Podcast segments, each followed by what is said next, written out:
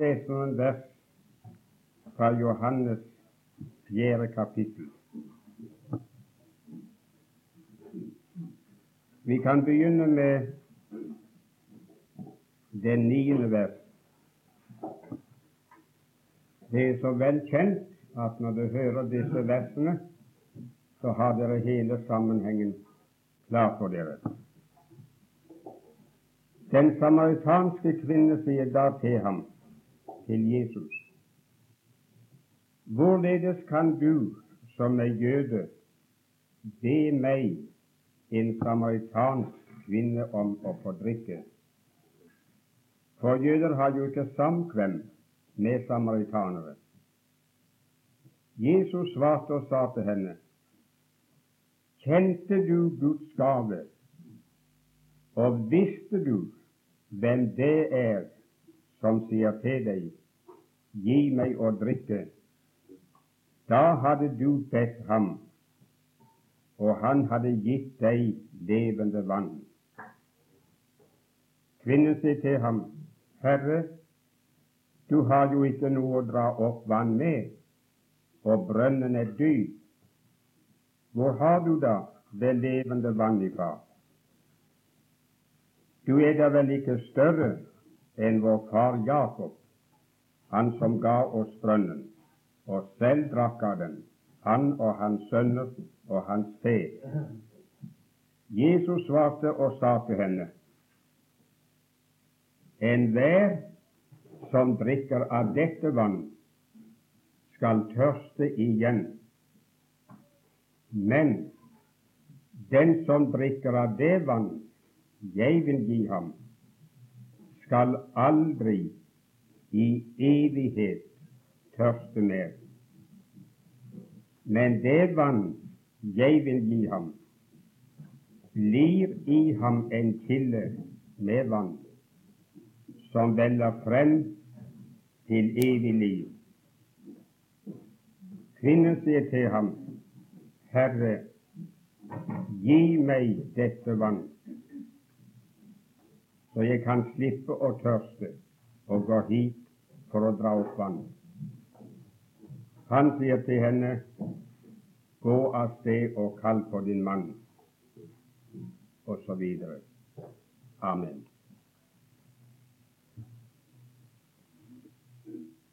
I det tiende vers sa Herren til kvinnen,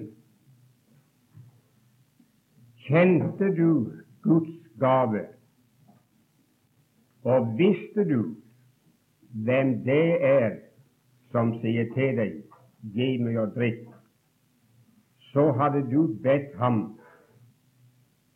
og så skulle han ha gitt deg levende vann.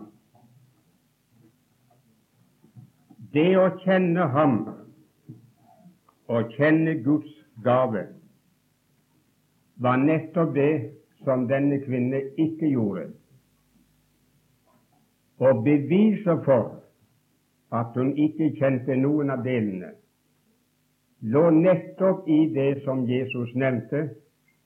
Hun ba ham ikke om noe. Hadde du kjent, og hadde du visst,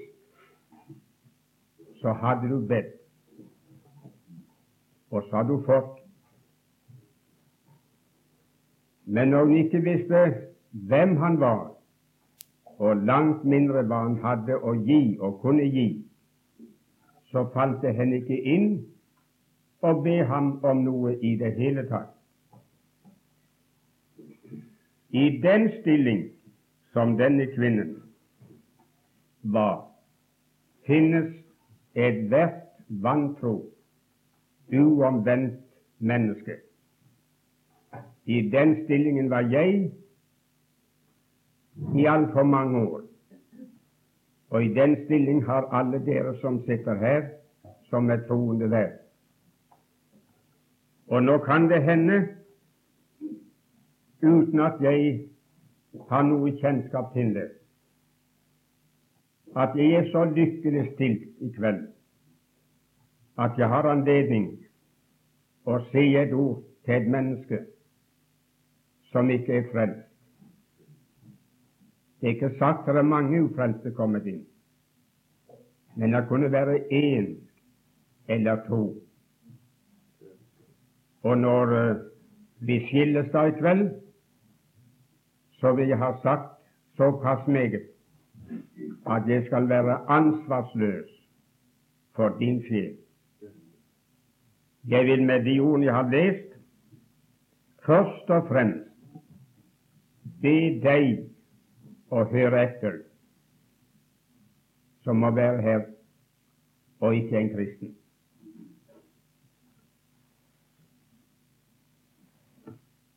Du har hørt om den Herre Jesus, du som alle vi andre. Det har alt vårt norske folk gjort. Men du og mangfoldige med deg i vårt land, de har ennå aldri knelt ned for Kristi føtter og bedt ham om noe. De har forsøkt å klare livet uten ham, og innser ikke at de behøver verken ham eller det han måtte ha gitt.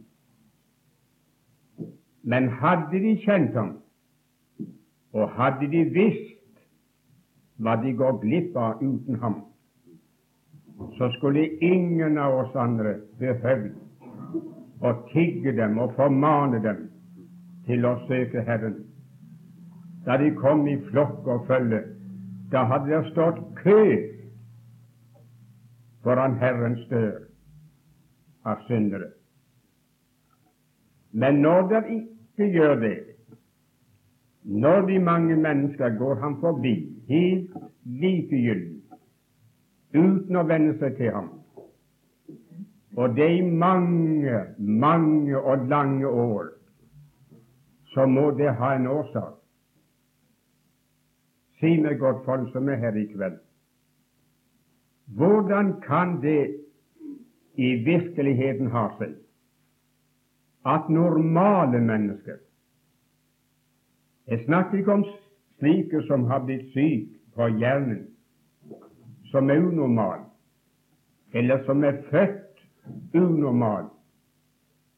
Men hvordan kan det henge sammen at voksne, normale, ellers vetige, forstandige og vise mennesker endog i et langt liv, ifra de var barn og til de har nådd alderdommen, snu den Herre Jesus ryggen.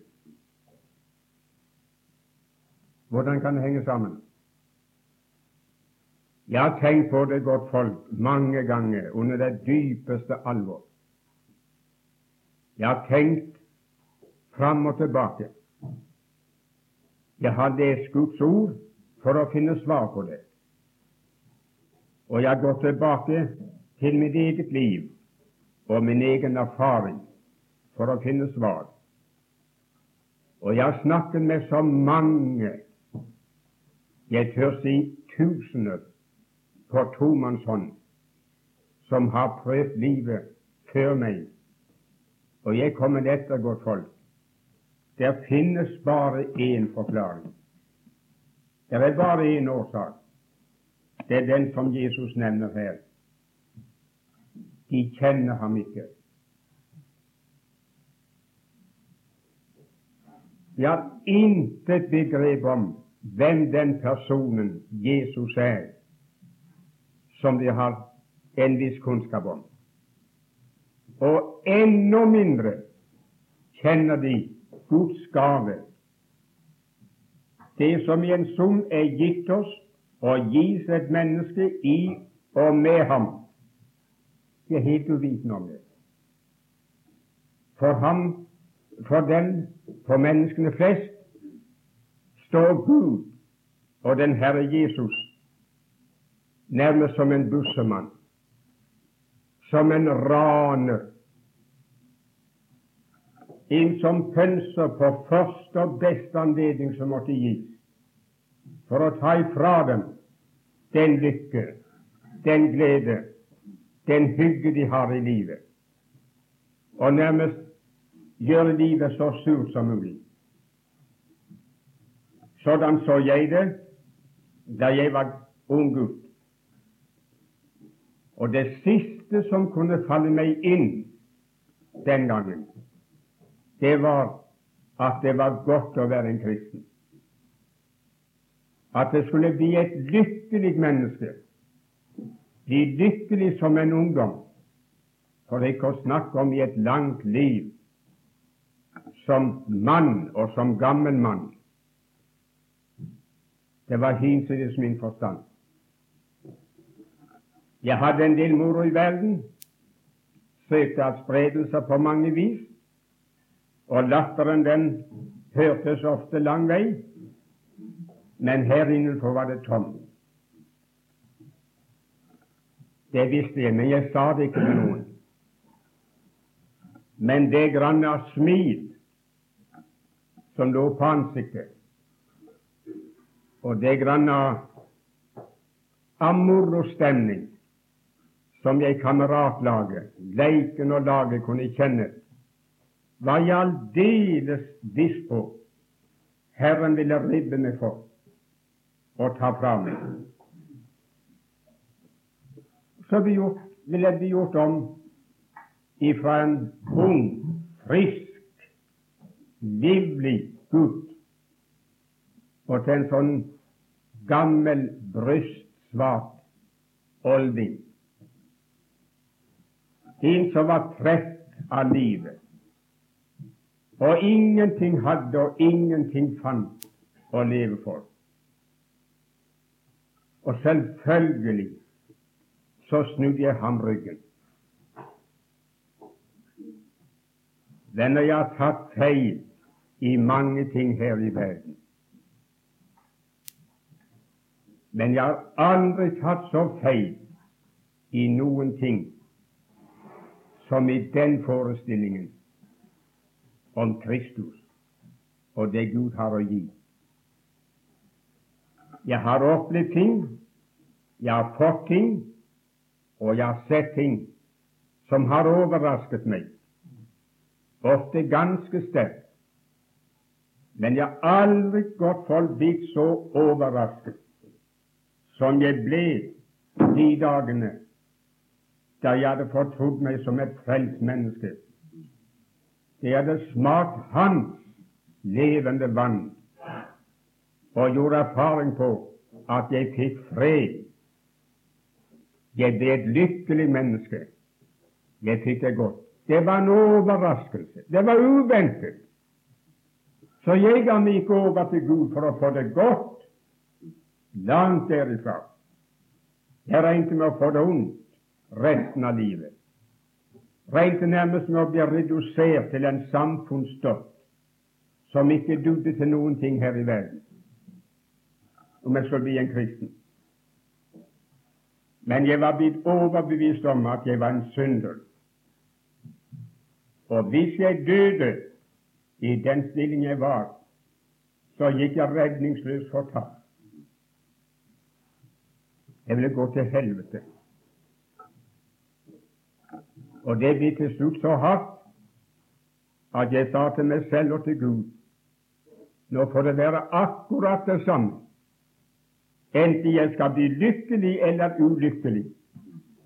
Hvis du kan, og hvis du vil frelse meg, vær så god, her har du meg. Nå skal ikke jeg hindre det lenger. Derfor ga jeg meg over til ham men ikke for å bli lykkelig, ikke for å få det godt. Så det kom som et pluss, som et tillegg. Så nå var jeg både frelst og hadde det godt.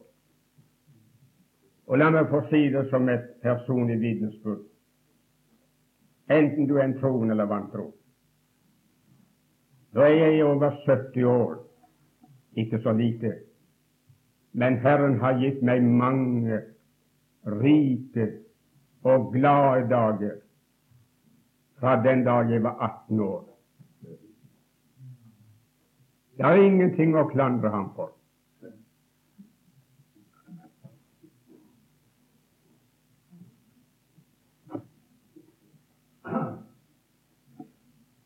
Gud besøkte oss hjemme i Åkrehamn med en større vekkelse for noen år tilbake. Jeg fikk selv stå i den vekkelsen. Jeg hadde vært i vekkelse der før og hadde bodd der i mange år. Hadde jeg virket oppe i Bergen, og en dag jeg lå på kne og ba til Gud, så kom det så for meg å be for Åkrehamn at Gud måtte sende en mann som han kunne bruke der, så vi fikk oppleve en vekkelse igjen. Den bønnen holdt jeg på med i tre-fire dager, men hadde ingen følelse av at jeg hadde noen kontakt med Gud, og at det var noen makt i den bønnen. Jeg var forferdelig utslitt den gangen. Jeg holdt på å bryte møtene av og reise hjem for å hvile. Til doktoren ville jeg ikke gå, for jeg var redd han skulle gi meg forbud til å reise og tale i det hele tatt. Så jeg ville prøve å ta det med ro en tid og se. Men så en dag igjen jeg bøyde kne og ba, og ba for Åkerhavn at Gud måtte sende noen som han kunne bruke. Så kom det over meg på en måte som jeg ikke kan forklare. Reis hjem og begynn å ha møter selv. Og jeg sa til Gud hvordan jeg følte meg, at jeg, jeg klarer det ikke, jeg kan ikke.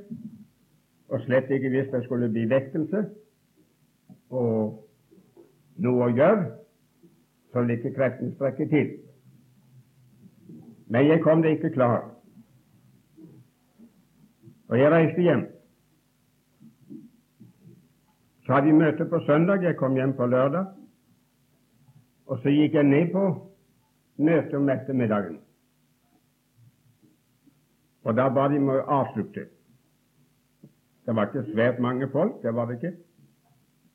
Men akkurat idet jeg sto og sa noen få ord til slutt, så merket jeg noe av den ånden som vi før i tiden alltid kjente når det ble vekkelse. Og jeg tenkte vel, det er noe riktig som jeg fikk det for meg i Bergen. Så bestemte vi å ha møte igjen på tirsdag, og skulle vi se for hver dag. Og folket kom. Vekkelsen begynte. Og nå kommer det som jeg ville ha vil gjøre bruk av i kveld. En av de mange som ble med, de aller fleste som kom med i den vekkelsen, det var voksne, gifte menn. Det var noen ganske få gutter og noen ganske få kvinner, men helst voksne, gifte menn. Og en av de, det var en av naboene mine. Ikke akkurat den nærmeste, men han var nabo. En, en av bygdens beste menn. Men han ble ikke vakt ved mine prekener, og ble ikke ført til Herren ved det jeg sa på de møtene. Gud brukte noe ganske annet. Det var mange barn som ble med i vekkelsen, og de er blitt bevart til de nå er troende eldre folk. Så hadde han flere barn, denne mannen. Flere gutter. Så en dag de hadde spist frokost,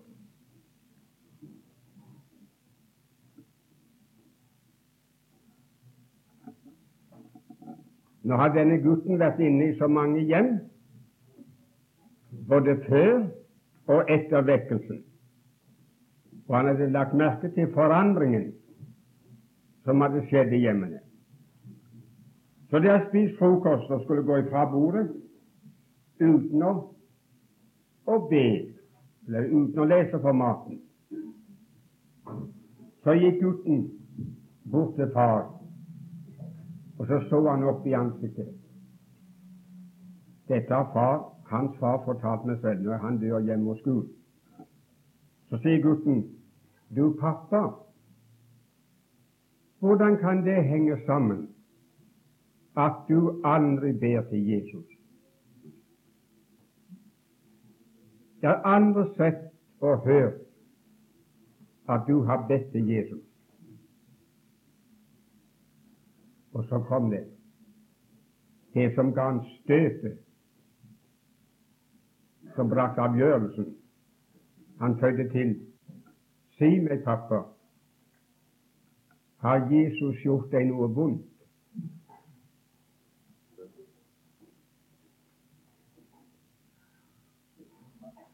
Han resonnerte slik. Det måtte være en grunn hvorfor han ikke hadde vent seg til Herren.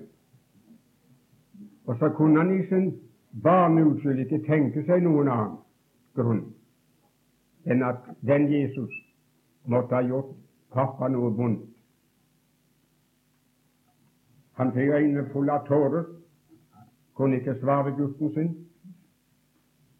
og gikk ut. Men før han kom inn igjen og møtte noen av familien, så hadde han vært på kne og snakket med ham for første gang i sitt liv. Sådan ble han en kristen. Vel, sitter her et ufrelst menneske i kroer i kveld. Må jeg få lov å spørre deg Hvorfor vil du ikke ha noe med Jesus å gjøre? Hvorfor har du nektet ham ditt liv? Har han gjort deg noe vondt?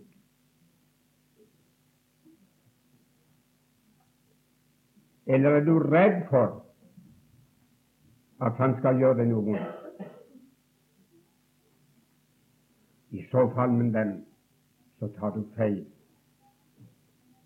La meg nå få lov å si det noen ganske få ord først om personen. Han sa, visste du hvem han er som taler med deg, Sa du bedt ham. Jeg har ikke ord for det jeg hadde lyst til å si.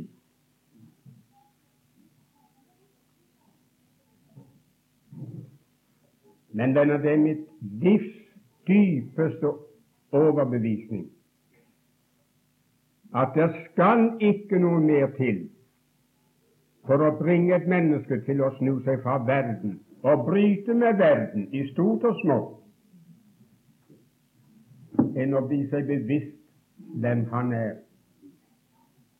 For ikke å snakke om å se Hans herlighet hadde lagt merke til, alle sammen, hva Peter sier i sitt andre brev, første kapittel, kanskje det andre vers. Han sier at han kalte oss Han tenker uten tvil det med oss på apostelflokken. Han kalte oss Det hva? Ved hva? Hva brukte han? Han kalte oss ved sin herlighet og ved sin makt. Johannes han forteller at da de kom inn i herberget, han og Andreas, så så vi hans herlighet.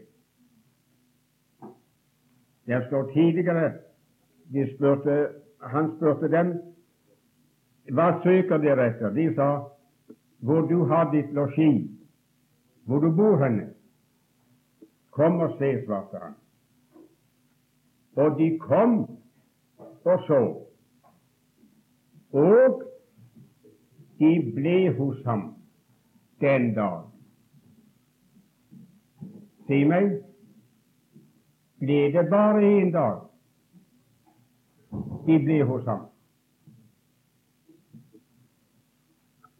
Nei, godt folk, han blir behanget med dem for resten av livet. Og nå er de med ham i herligheten. De kom inn hos ham, og i løpet av en dag lukket han seg opp og åpenbarte dem sin herlighet. Og så foretrakk de mennene resten av livet å være hos ham. De ble kalt og tatt ved hans storhet og hans herlighet. Jeg vet ikke om dere vil forstå meg eller misforstå meg, men det er ofte godt for når jeg hører på en nokså stor prosent av den religiøse forkynnelse. Jeg vil ikke kalle den kristelig engang, men av all religiøs forkynnelse. Så kunne det ikke falle meg inn å undres på at uomvendte mennesker ikke søker Gud. Jeg blir overrasket om det fantes noen. Og det er fordi den, at den, den frelse, den Jesus de forkynner, er så intetsigende, så maktesløs, noe så på flatt norsk ikke vetter, at de ser ingen storhet og ingen herlighet i ham. Det er noe verdiløst Jesus-snakk som ikke imponerer noe menneske. Det åpenbarer ikke hans herlighet. Selv tonefallet de bruker når de snakker om ham, det forteller han betyr nesten ingenting for de selv heller. Å, min venn, om du er her, kjente du ham?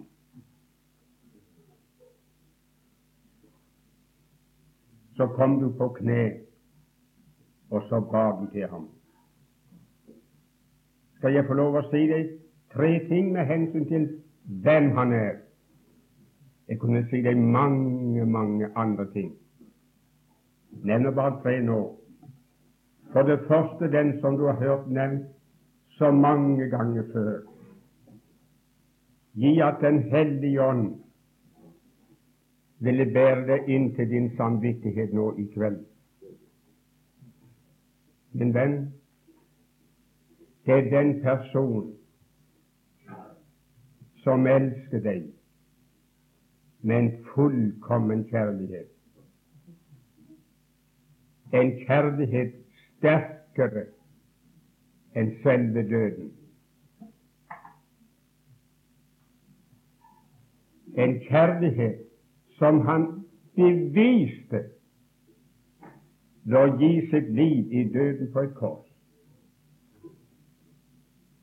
Av mennesker er det ingen, sier han, som har større kjærlighet enn den at han setter livet til for sine venner.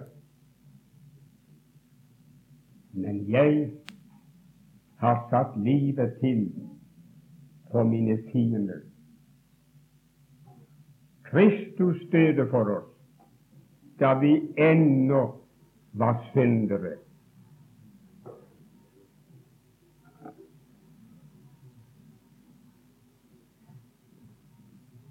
Jeg får meg ikke til å tro at det finnes noen her inne som nå tror at jeg står her og lyver. Du tror med vet og forstand at det er sant at Han har elsket så høyt at Han ga seg selv i døden i ditt sted. Ja vel. Vil du låne meg din forstand et øyeblikk da? Og jeg spør deg, kan du så ikke innse og forstå at den Jesus vil deg vel? Har du noensinne fryktet å være redd for et menneske som du vet elsker deg, som har lagt deg for dagen og bevist i handling at de elsker deg. Treffer du en sådan på gaten i Oslo en kveld, tar du flukten? Regner med at han vil deg vondt? På ingen måte, min venn. Den fullkomne kjærlighet står der. Den driver frykten ut.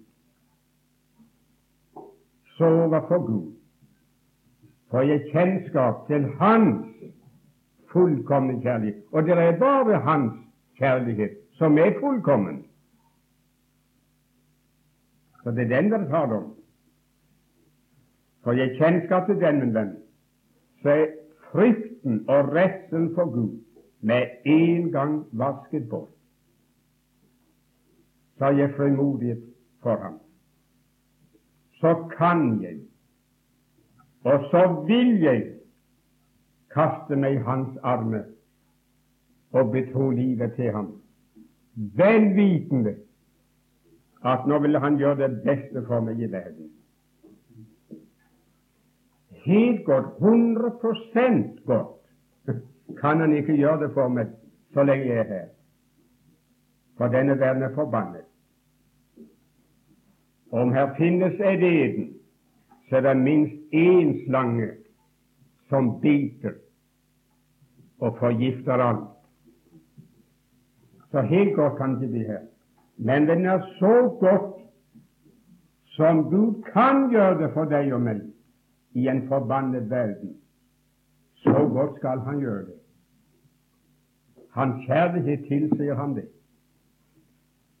Selv om han må sende ting i min vei og i mitt liv, enten det er meg selv eller mine forhold, min familie, hva det enn må være, som ikke smaker godt, som bringer øye og hjerte til å gråte, så har han gjort det i sin visdom for han vet at det vil tjene meg bedre til slutt enn alt annet. Men nok om det. La meg dernest få si det, min venn, og det er en meget viktig sak, at den personen har selvsagt meg er gitt all makt i himmelen og på jorden.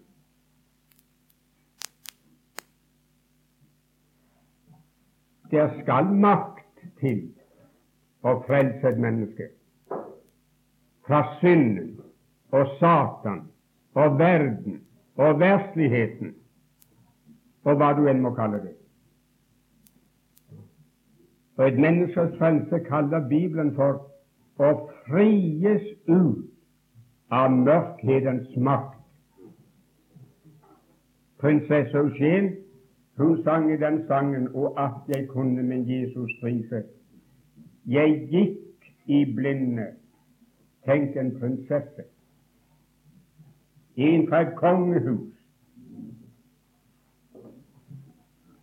Jeg gikk i blinde. Jeg lå i døden. Og mørkets første holdt meg ganske fast. Hun lå ikke i rennesteinen.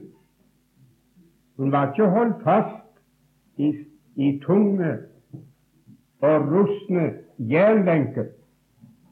Nei, nei, min venn. Men hun lå lenket fast i sin dannelse, i sin fromhet og sin finhet og i menneskehensyn.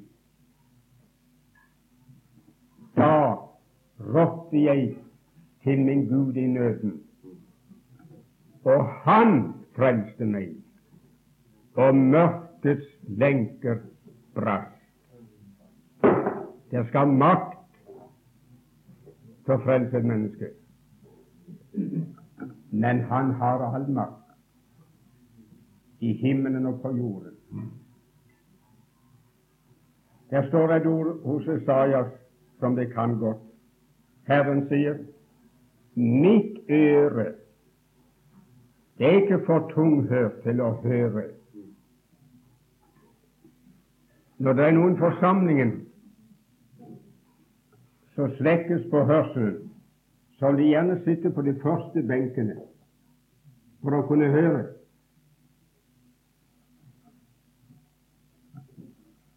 Nå vel, Gud er mitt øre, det er ikke for tunghørt å høre. I Skriften er det tale om syndere som er langt borte. Men ingen er så langt borte i synd og verslighet at hans øre ikke hører deres rop. Han bør ikke sitte på første benk, for hans øre er skarpt.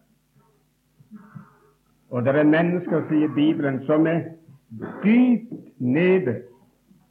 De er sunkne ned i det dype dynn. Du ser ikke håret av dem. De er tilsynelatende gått under. Men min arm, den er ikke for kort til å frelse. Så den som er sunket dypest ned, han kan bli nådd. Du kjenner på vanskeligheten om du sitter ikke en kristen. På båndene, på maktene, kreftene som holder tilbake. Du kan ikke gjøre noen ting for alle til med det. Du behøver det heller ikke. Det er bare et ord til ham. Herre Jesus, frels meg. Og så står det Verden som påkaller Herrens navn, skal bli frelst. Det er ikke det at han kan bli frelst.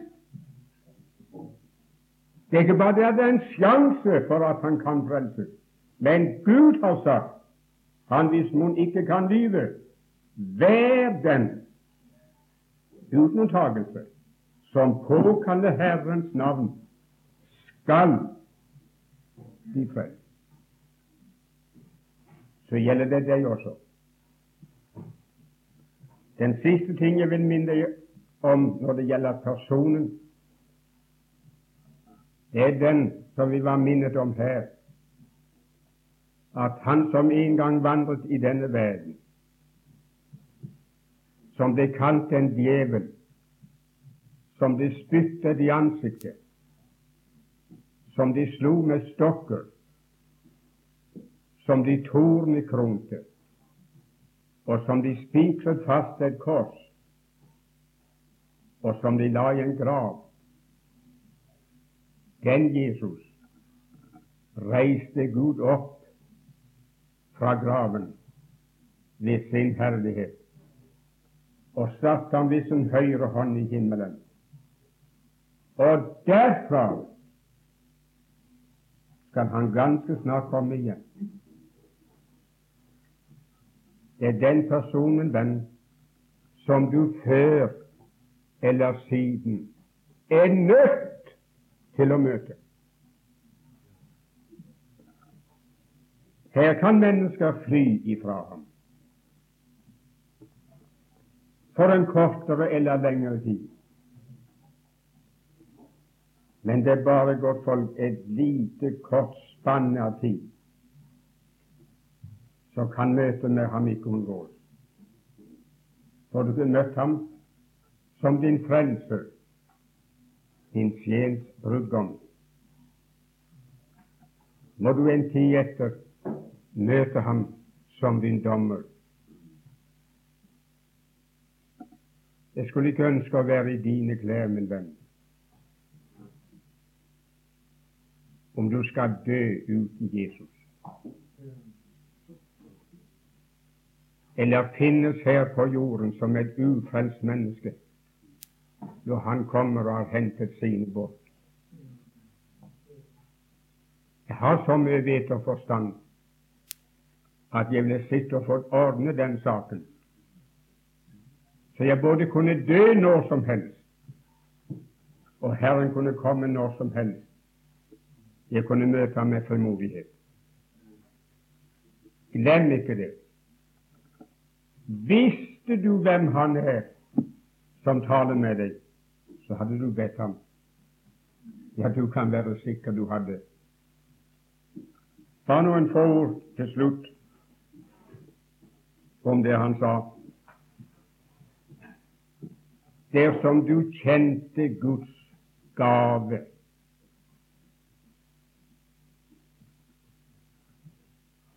Jeg antydet sted at mange betrakter Gud som, som en tyv og en røver, en som tar og raner ifra oss. Men et slikt bilde har Bibelen aldri tegnet av ham. Kristus er alltid omtalt som den der gav. Han bærer den, den tittelen, Han som gav. Jeg kan ikke få sagt det mer. Men han hadde gått tre år her i verden, i Palestina. Trampet veiene, bygdene og byene opp og ned. Dere hørt ham, sett ham, snakket med ham, iakt ham, tatt ham. Søndag så var han vekk. Så var han gått bort. Og så satt de igjen vennene i Palestina, og så sa de det var han som gav. Det var ingen som anklaget ham for at han hadde tatt noe fra noen og gjort noen fattigere. Hvor han hadde satt sin fot, i hvilket hjem han var kommet inn, lå der alltid noen gaver igjen etter ham. Noen takket ham for syndenes forlatelse. Noen takket ham for synet de hadde fått igjen. Noen hadde forhørsel hørsel igjen. Noen hadde fått lamme ben og lamme armer friske. Noen hadde forstanset sin blodsått. Alltid lå det noen gaver igjen og følgen var der satt det igjen mennesker i denne verden med takknemlig hjerte som så opp til Gud og sa å, hvor lykkelig jeg var at han kom veien om vårt hus. Alt hva vi har å takke for og prise oss lykkelig for, det var det vi fikk av ham. Slik venner er han i dag. Han sa tyven kommer bare for å stjele og myrde og ødelegge, men jeg, jeg er kommet for at de skal ha, ikke for at de skal bli fattige. Og han nevnte mange ting de skulle ha. Det kan ikke jeg gå inn på å om her, men det er noe med den han, han kaller fred og sa min fred, den gir jeg dere. Ikke som verden gir, men min fred. Så den samme fred og ro i sjelens innerste som fylte Guds sønn da han gikk i denne verden, for det mennesket del i som drikker av hans vann. Og han sa dette har jeg talt for at min glede skal være i eder. I verden, der skal det ha trengsel. Der kan det ikke være annerledes. Men i meg skal det ha fred. Og min glede skal avlegge et par visitter i løpet av et år og to. Nei da. Nei da, venner. Men min glede blir i eder og skal være i eder. Kom ikke på visitt. Hva var det han sa her?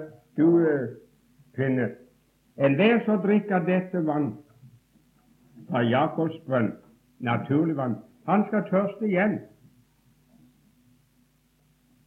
Så om du tar opp et et spann med vann og går hjem og drikker, og andre i huset får drikke, så er like tørst i morgen Så må du bake til brønnen igjen og hale opp. Naturlig vann er ikke annerledes. Men det vann som jeg vil gi, det slukker tørsten.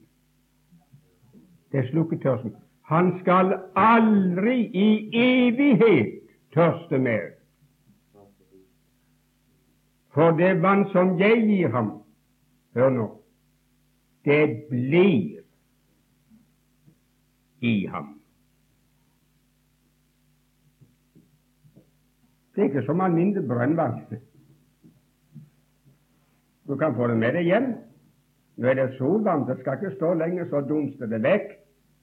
Så har du ikke mer. Jeg venner, det han gir, det blir.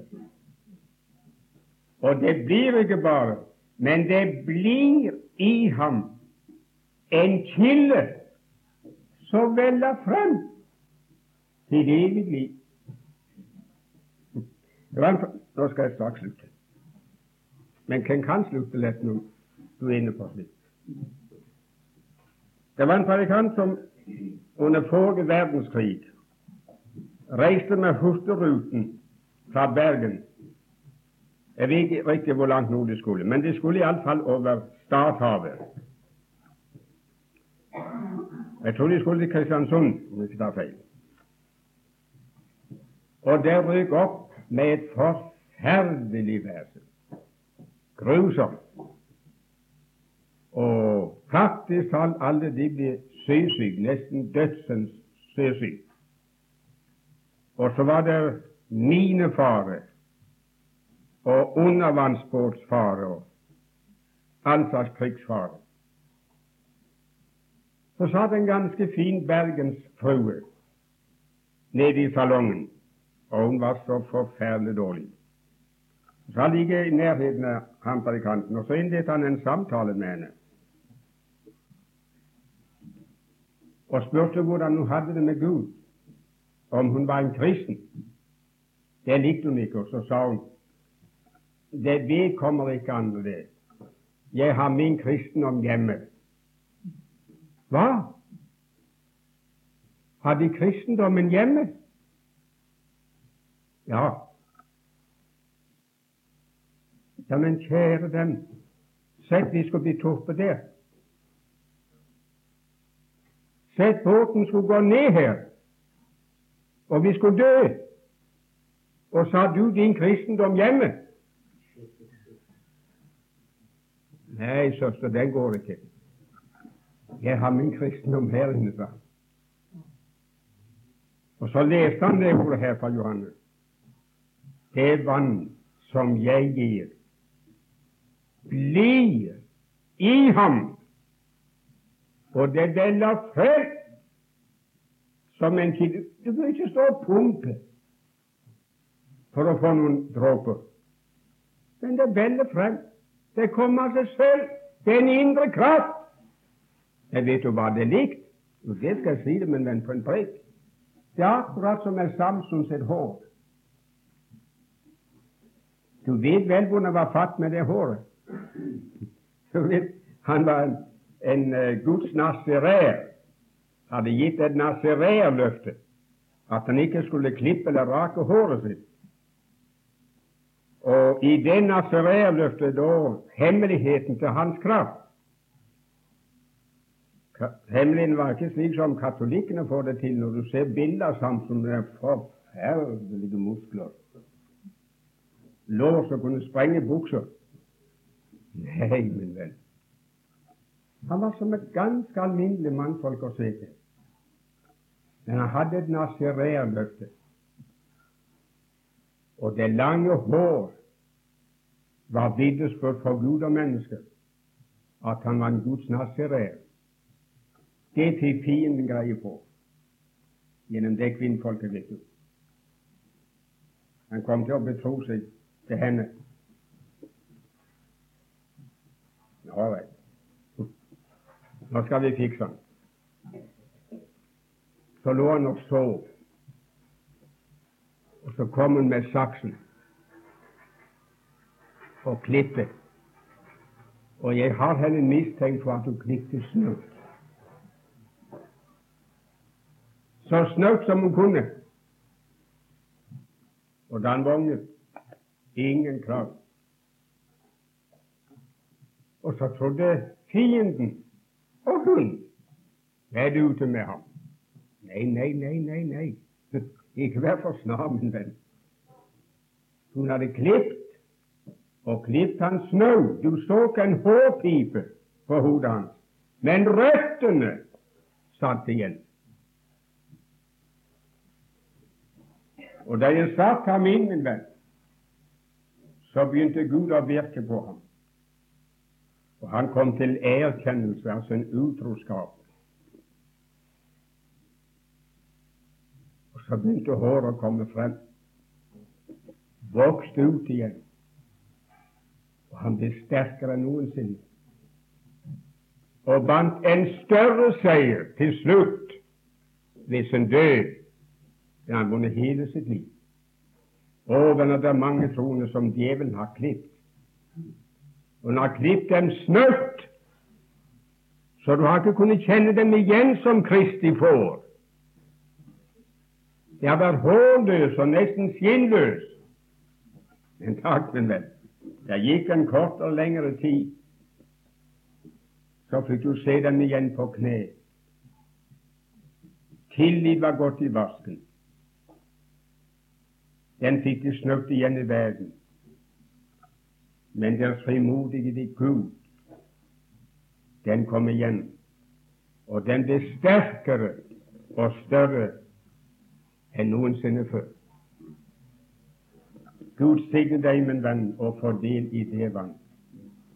Jesus sa her hvordan du kan få det, enten du er troende eller vantro. Hvis du visste hvem Han er som snakker med, og kjente Guds gave, så hadde du bedt ham, og så hadde han gitt deg. Den er ikke vanskelig. Så enkel er avtalen. Kun et skritt mellom deg og din Gud. Det er et skritt ned på dine kne. Ta en synders plass i en frelsers nærhet og si Å, Herre, gi meg dette vann. Det sa kvinnen, og hun fikk det. Det skal du også. Amen.